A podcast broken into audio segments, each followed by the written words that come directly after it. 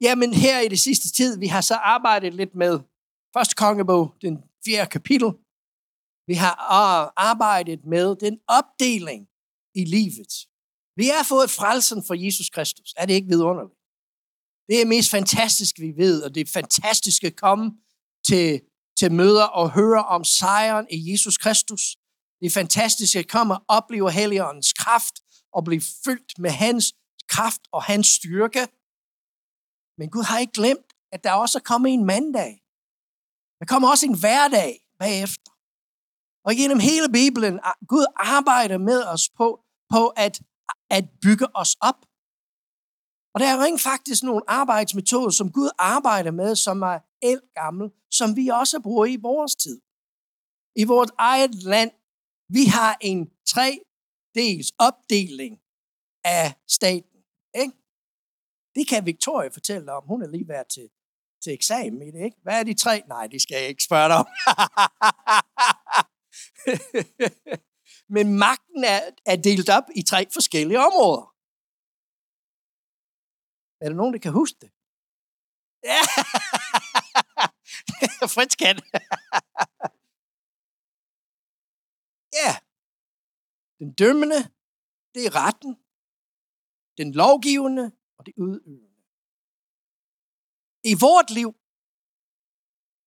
den del, der er dom, rettens del, det er Gud. Det diskuterer vi ikke. Det slapper vi af i. Gud er den, der dømmer os. Og det er vidunderligt, fordi han har dømt os til livet. Han sendte os Jesus Kristus. Jesus kom, betalte prisen for os. Men det, der er tilbage, det er den lovgivende og det udøvende del af det. Og det er det, vi læser om i første kongebog, fordi det er Salomo, der er i gang med at sætte sin regering sammen. Og det er de ting, vi kan, taler lidt om i den her tid. Vi taler om, vi taler om den lovgivningsdel af det. Vi taler om den måde, at vi samler os. Det er ting, der er vigtigt for os til at have på plads, så at vi kan komme ud og leve det liv, Gud har kaldt os til. Fordi der er to dele i det. I det udøvende del af det, så er det Guds forsøgningskæde. Hvad er det, vi har brug for ind i vort liv til at leve hverdagen? Men i den lovgivning del af det, i den central administrationsdel af det, hvad er det, I tænker, jeg skal have på plads? Og sidste søndag, så talte vi om den første. Kan I huske, hvad det var? At tage tanker til fange. Det skal vi have på plads. Det var en af de ting, som, som Salomo han valgte. Det var en, der kunne, der kunne stå for fængslerne. Fordi vi er nødt til at tage tanker til fange. Og så nævnte jeg lidt hurtigt i søndags om den del, som Salomo ikke havde med. Og det var den profetiske del. Og det er det, der gav ham ubalancen i regeringstid, og det var også det, der ledte ham i den forkerte vej, fordi han manglede den profetiske. Vi siger det igen og igen og igen i Bibelen, at gennem tiden, hvad er det, der gør, at Guds folk begynder at miste velsignelse? De begynder at miste velsignelse, fordi der er andre guder, der kommer ind, og afguds dyrkelsen begynder. Vi begynder at dyrke andre ting i livet end Gud. Og det er der, hvor vi mister velsignelse, og den måde, som vi skal arbejde med det på, for at holde fast i det, det er at sikre os, at grundlæggende i vort liv, vi har den profetiske tjeneste, som fungerer. Og jeg undervist om det i torsdags til seniormøder, og vi har det på podcast, som det kommer også op som en del af den her serie, så I kan gå ind og kan høre øh, om hele serien. Vi vil samle det, så I kan høre det, men det vil også komme op søndag for søndag, og også torsdag, når jeg underviser. Jeg havde sådan en lille oplevelse i går. Vi var til en fest, og der var en, der kom op til mig fra Jylland. Hun gift med en folkekirkepræst. Hun kom op til mig, og hun sagde, er det ikke dig, der er Joel? Og jeg sagde, ja, det kan jeg ikke løbe fra. Jeg har fundet jeres podcast, og jeg har lyttet til din undervisning. Jeg synes, det er bare så dejligt. Tak for det, I lægger mod. Bliv ved med det. Bliv ved med det. Så vores podcast, de lægger ud, og der kommer til at være flere og flere podcasts, der bliver lagt ud. Så gå ind og hør og så kan man følge med. Den første, det var at tage tankerne til fange.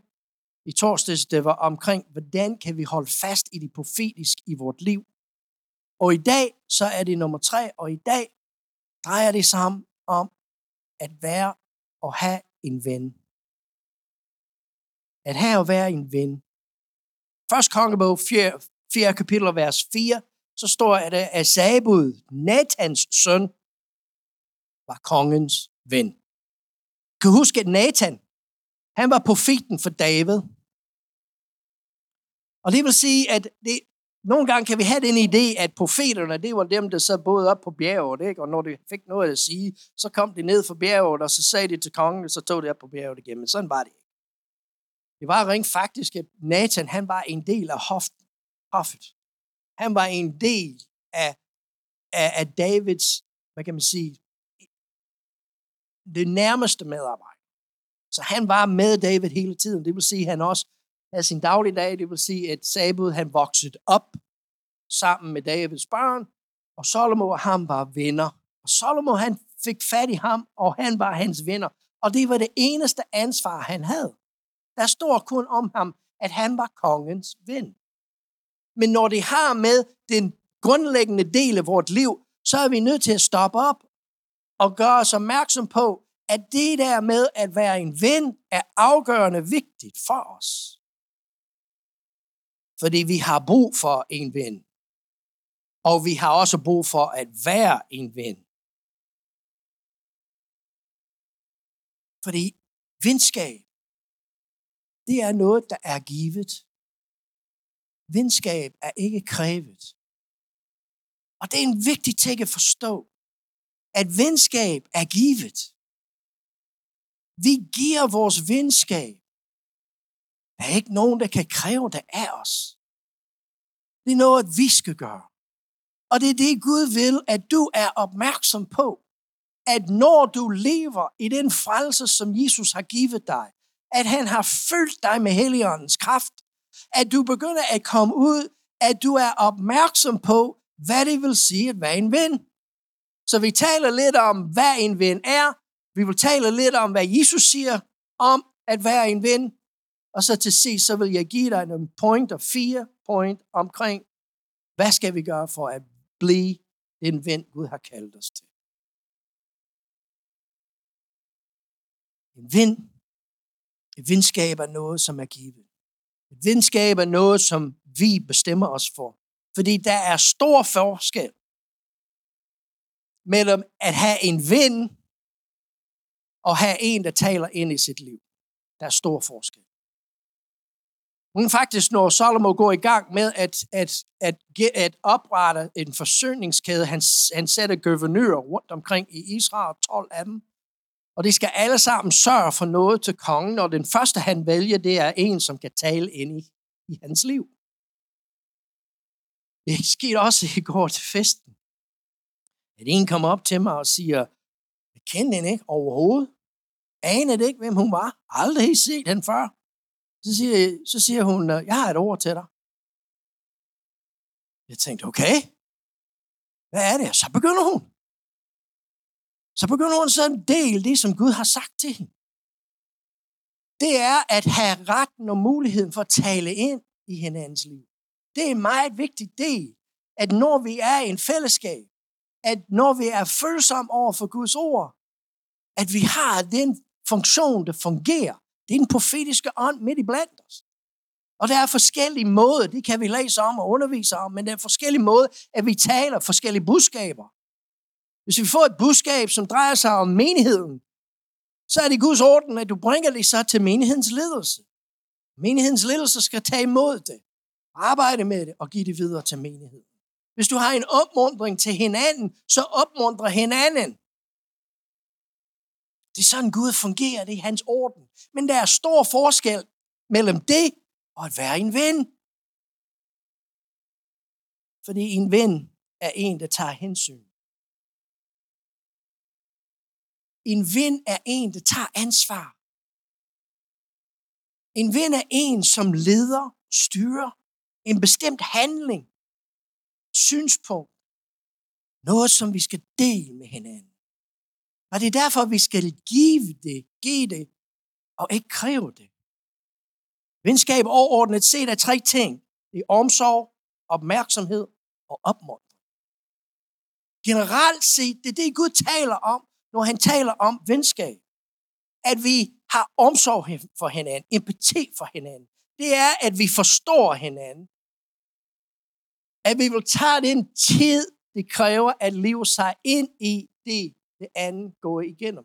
Det er derfor, du kan ikke have 10.000 venner.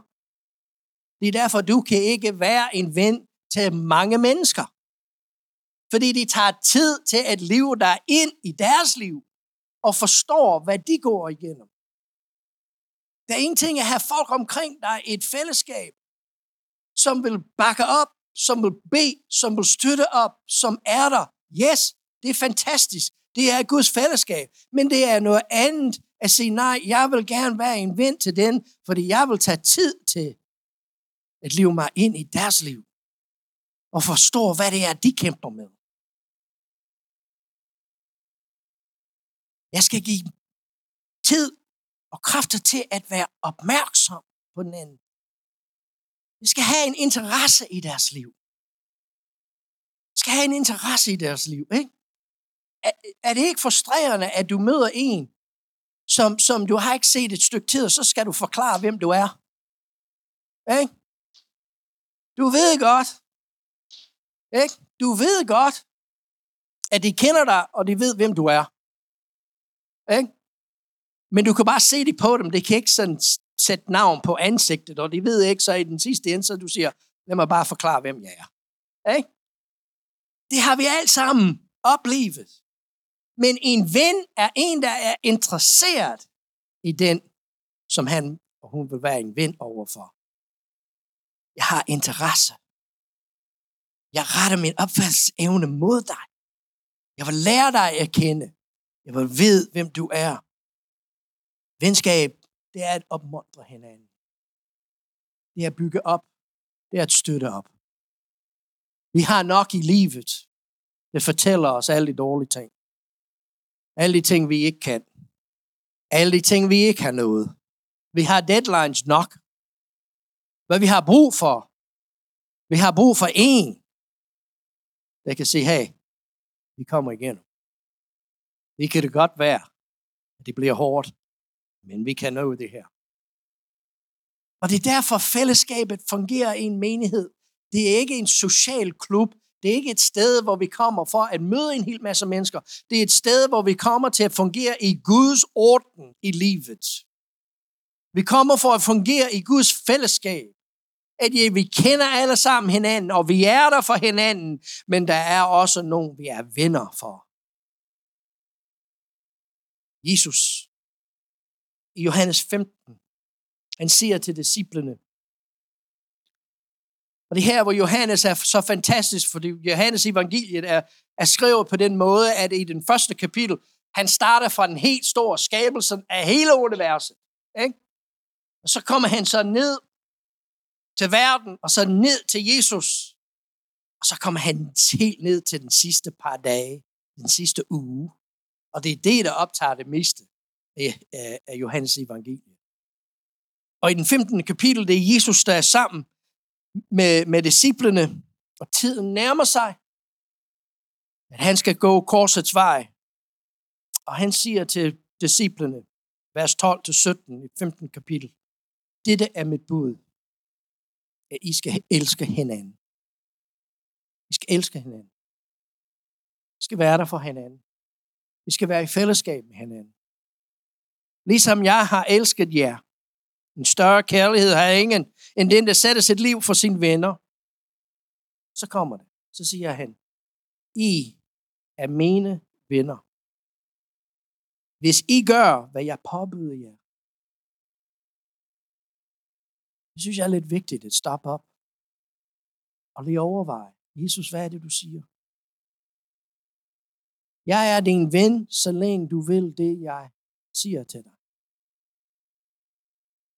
Venskab er bygget omkring det, at den anden har en vilje til at være med dig. Du kan give alt, du vil, men eh, hvis ikke de modtager det, og giver det tilbage, så spiller du bare din tid. Og grunden til, at vi ser så mange forhold og ting og relationer, der går i stykker, er det fordi, det er så i ubalance. For det en vil, men den anden vil ikke. Og det er vigtigt at høre, hvad Jesus siger. Jeg er din ven, hvis du gør, hvad jeg påbyder dig. Men det er også den holdning, vi skal have. Den, jeg skal være en ven for. Den, jeg skal tage tid til at lære, hvem det er. Den, jeg skal tage tid til at være opmærksom på give omsorg til. Opmuntre.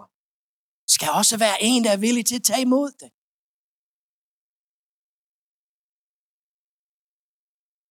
Jeg kalder jer ikke længere tjener. For tjener ved ikke, hvad hans herre gør. Jeg kalder jer venner. For alt, hvad jeg har hørt af min fader, har jeg gjort kendt for jer. Det er ikke jer, der har udvalgt mig, men det er, men det er mig, der har udvalgt jer og sat jer til at gå ud og bære frugt. Og blive ved med at bære frugt. Kan du se, hvad Jesus siger til os? Jesus siger til os, at der er nogle grundlæggende ting, der hvis vi har det på plads, i den del af vores liv, som bestemmer, så vil vores liv bære frugt. Så vil vores liv være noget, som er til gavn for folk omkring os. Og vi vil finde lykke, og vi vil finde lægedom og helbred, så alle de ting, som Gud vil give os. Ja, mine venner, gør hvad jeg påbyder jer. Jesus siger når, i Matthæus 28, når han stiger op til faderen, hvad er det, han siger til jer? Det er det, vi alle sammen kan, kan uden ad gå ud i al verden. Ikke? Men kender du sidste del af det? I det, I lærer dem at holde alt det, jeg har befalet jer. Så når vi vinder, så lærer vi hinanden om Guds rige. Når vi har en ven, så er det den, vi deler livet med. Det er den, vi lærer om Guds rige med.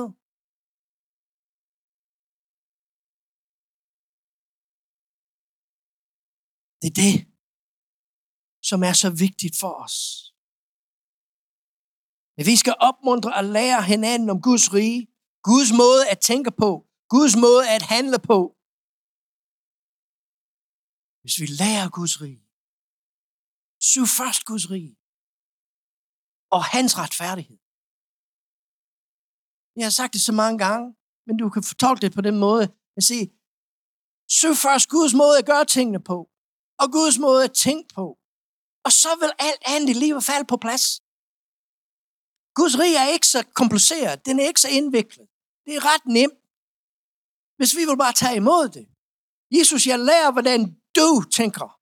Jeg lærer, hvordan du handler og jeg tager imod det ind i mit liv, fordi du er min ven. Jeg tager det ind i mit liv, og jeg gør det. Og så vil du bare se mit liv vokse. Og så vil jeg også gøre det over for en anden, som ikke har haft den mulighed. Jeg kalder jer ikke længere tjener, for tjener ved ikke, hvad hans herre gør. Jeg kalder jer for venner. For alt, hvad jeg har hørt min fader, det har jeg gjort kendt for jer.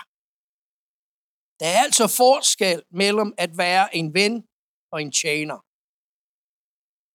Rigtig stor forskel. En tjener er en, der modtager løn for det, han gør. Der kommer en hel masse ansvar i forbindelse med det. Dem, der så lærer, og dem, der har ansvar i en menighed, større, står til en større ansvar over for Gud end andre. Det står i Bibelen. Fordi det er os, det er mig, det er ledelsen, der går ind og tjener jer. Vi er Guds tjener i blandt jer. Og det er der, hvor vi står for ansvar. Fordi vi har et stykke arbejde, der skal gøres. Vi har et ansvar, der skal leves op til. Der er ikke tid til alt det andet, og desværre opleves så mange gange i forskellige menighedens sammenhæng, at ledelsen er gået i stykker, fordi det er fokuseret på alt andet, end Guds rige. Vi i vores ledelse er retfærdige. Vi gør, hvad vi kan for et liv, et godt og et retfærdigt liv inden for Guds åsyn. Det er derfor, vi sætter sådan meget pris på fællesskab. Fordi vi vil leve op til det ansvar. Men ven er den, der gør gavn. Gør nytte. Hjælpe. Støtte op. Fordi igennem det, at være en, en gave til hinanden. At være en opmundring til hinanden. Det er den måde, vi lærer. Det er den måde, vi lærer. Det kan du også huske fra den gang, du var i skolen. Selvom det var for 50 år siden. Det kan jeg svagt huske. Men jeg, øh, som I alle sammen ved, jeg voksede op på Bahamøerne. Og der var ikke nogen, der var ikke offentlig skole dernede, så vi skulle så til privatskole, og jeg kom ind i en katolsk skole. Og det var en katolsk skole af den gamle slags. Så der var disciplin, det kan jeg godt sige dig. Og vi havde specielt en, hun var en, en nonne, og hun var lidt ældre. Så det vil sige, at skolen var af en gammel sten, men hun er bare fra en elgammel sten.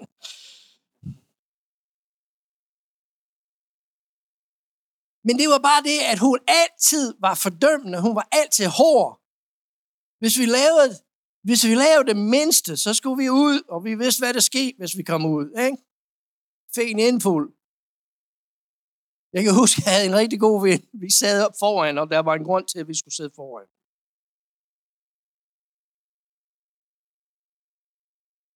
Og så vi mødte ind i dag, en dag, og så vi selvfølgelig hver gang, vi så gik i gang med et eller andet. Vi altid havde noget i gang, ikke?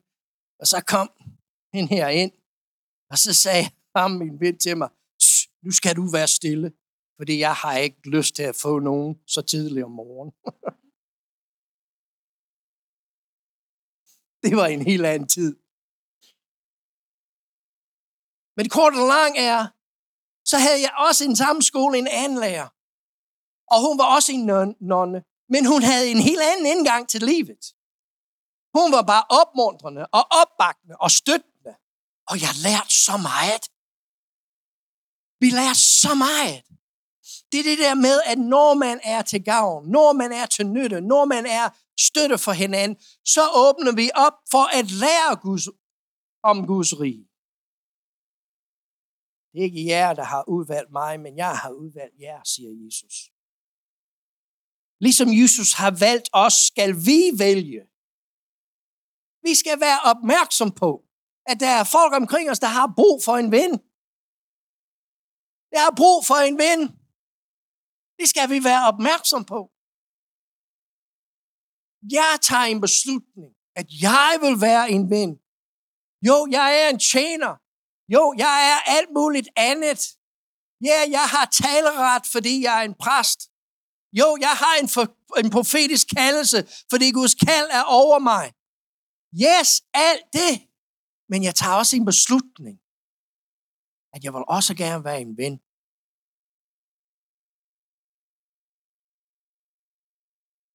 Men at tage en beslutning,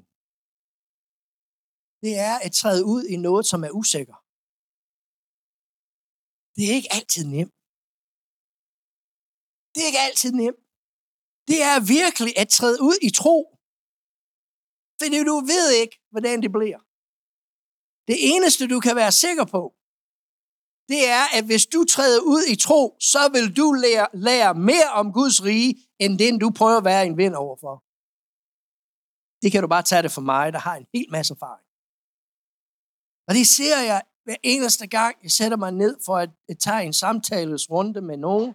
Jeg siger altid til dem, ved du hvad, du skal bare vide en ting. Jeg kommer til at lære mere om Guds rige, end du gør. For det er at høre din historie, høre hvad du går igennem, høre dine problemstillinger, det lærer mig om, hvordan Gud er. Endnu mere, end jeg nogensinde har lært før. Og når vi har den indgang til tingene, så gør det nemmere for os at være den, som er villig til at give os selv til at være en ven. Okay, så hvad skal vi gøre? Hvordan kan vi være en ven? Jeg vil give jer fire punkter. Der er fire ting, som vi skal være opmærksom på. Som vi kan gøre for at blive en ven til en anden. Den første. Vi skal handle på det. Det er fantastisk at høre om det. Det er fantastisk at læse om det. Det er fantastisk at undervise og studere og alt det om det. Men du er altid nødt til at handle. Du er altid nødt til at tage kontakt. Du er nødt til at træde ud i det. Og det der med at træde ud i tro, det nogle gange kan være at træde ud i noget, som du ikke rigtig kan se. Ikke? Men det er her, hvor du skal være opmærksom på Guds profetiske kald over os alle sammen. Ved du hvorfor? Fordi de bedste venner er altid dem, du aldrig har drømt om, vil være din ven. Fordi når vi tænker på at være en ven, ikke, så har vi nogle forestillinger med det samme. Ikke? Det er sådan naturen er. Det er som vi som mennesker er. Men når Gud kommer ind i det, så lige pludselig, så sætter han to sammen. Og man tænker, hvordan har de fundet sammen? Og så lige pludselig, så begynder det at snakke. Og så lige pludselig, så begynder det at være for hinanden. Og så tænker man, wow, det vil jeg aldrig nogensinde have forestillet mig, at det kunne fungere. Det er fordi det profetiske fungerer. Det er fordi Gud er med. Så når du træder ud i det, du træder ud i det i tro, uden en forestilling om, hvordan det skal være. Du gør dig selv bare villig til at gå ud i det, og så Gud, nu begynder du at vise mig, hvem jeg kan være en ven overfor. Paulus, han skriver til Timotheus, beslutning af sit liv, så siger han til Timotheus, Gud har ikke givet os et fejånd, men en ånd med kraft og kærlighed og besindighed. Det synes jeg er fantastisk sagt af vores kære Paulus. Han har ikke givet os en usikker ånd. Han har givet os et ånd, som er i fred, som er i balance, som beder, så Gud, du leder mig der, hvor jeg skal gå. Far, du viser mig, hvem jeg skal støtte op om, hvem jeg skal bede for. Men far, vis mig også, hvor jeg skal være en ven. Vis mig, fordi du har ikke givet mig en usikker ånd. Du har givet mig en stærk ånd. Du har givet mig evner.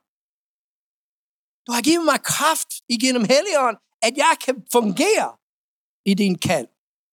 Du har givet mig begejstring. Du har givet mig interesse for andre. Du har givet mig alt det, der skal til, og du har givet mig også noget andet. Og det er sund fornuft. Er det ikke det, han siger?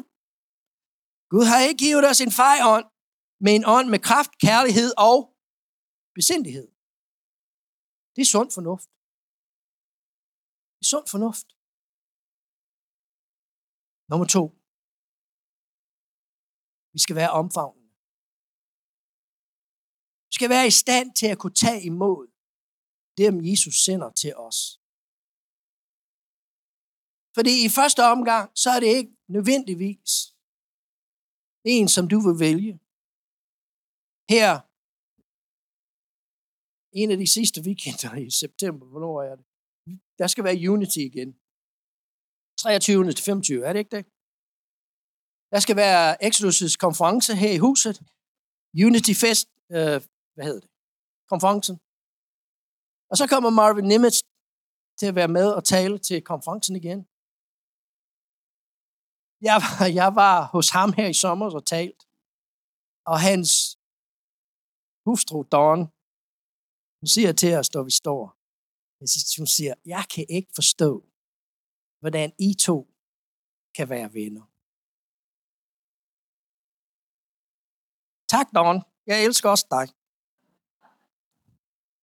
Hun siger, hvis der er to mænd, der er mere forskellige, så har jeg ikke mødt dem. I har ikke de samme meninger om noget. I har ikke det samme engang om noget. Men I er bare de bedste venner. Og jeg forstår det ikke. Hvis du er villig til at tage imod den Gud sender, så vil du finde en ven.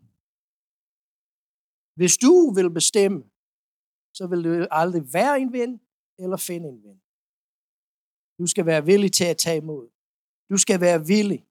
Jesus, lige før i Lukas 9, det er der, hvor Jesus han bespiser det 5.000, men lige før, når han er i gang med, med underviseren, så står der i, 11, i 9. kapitel, vers 11, men skarne opdagede, at det var Jesus, og fulgte efter ham, og han tog imod dem. Han tog imod dem.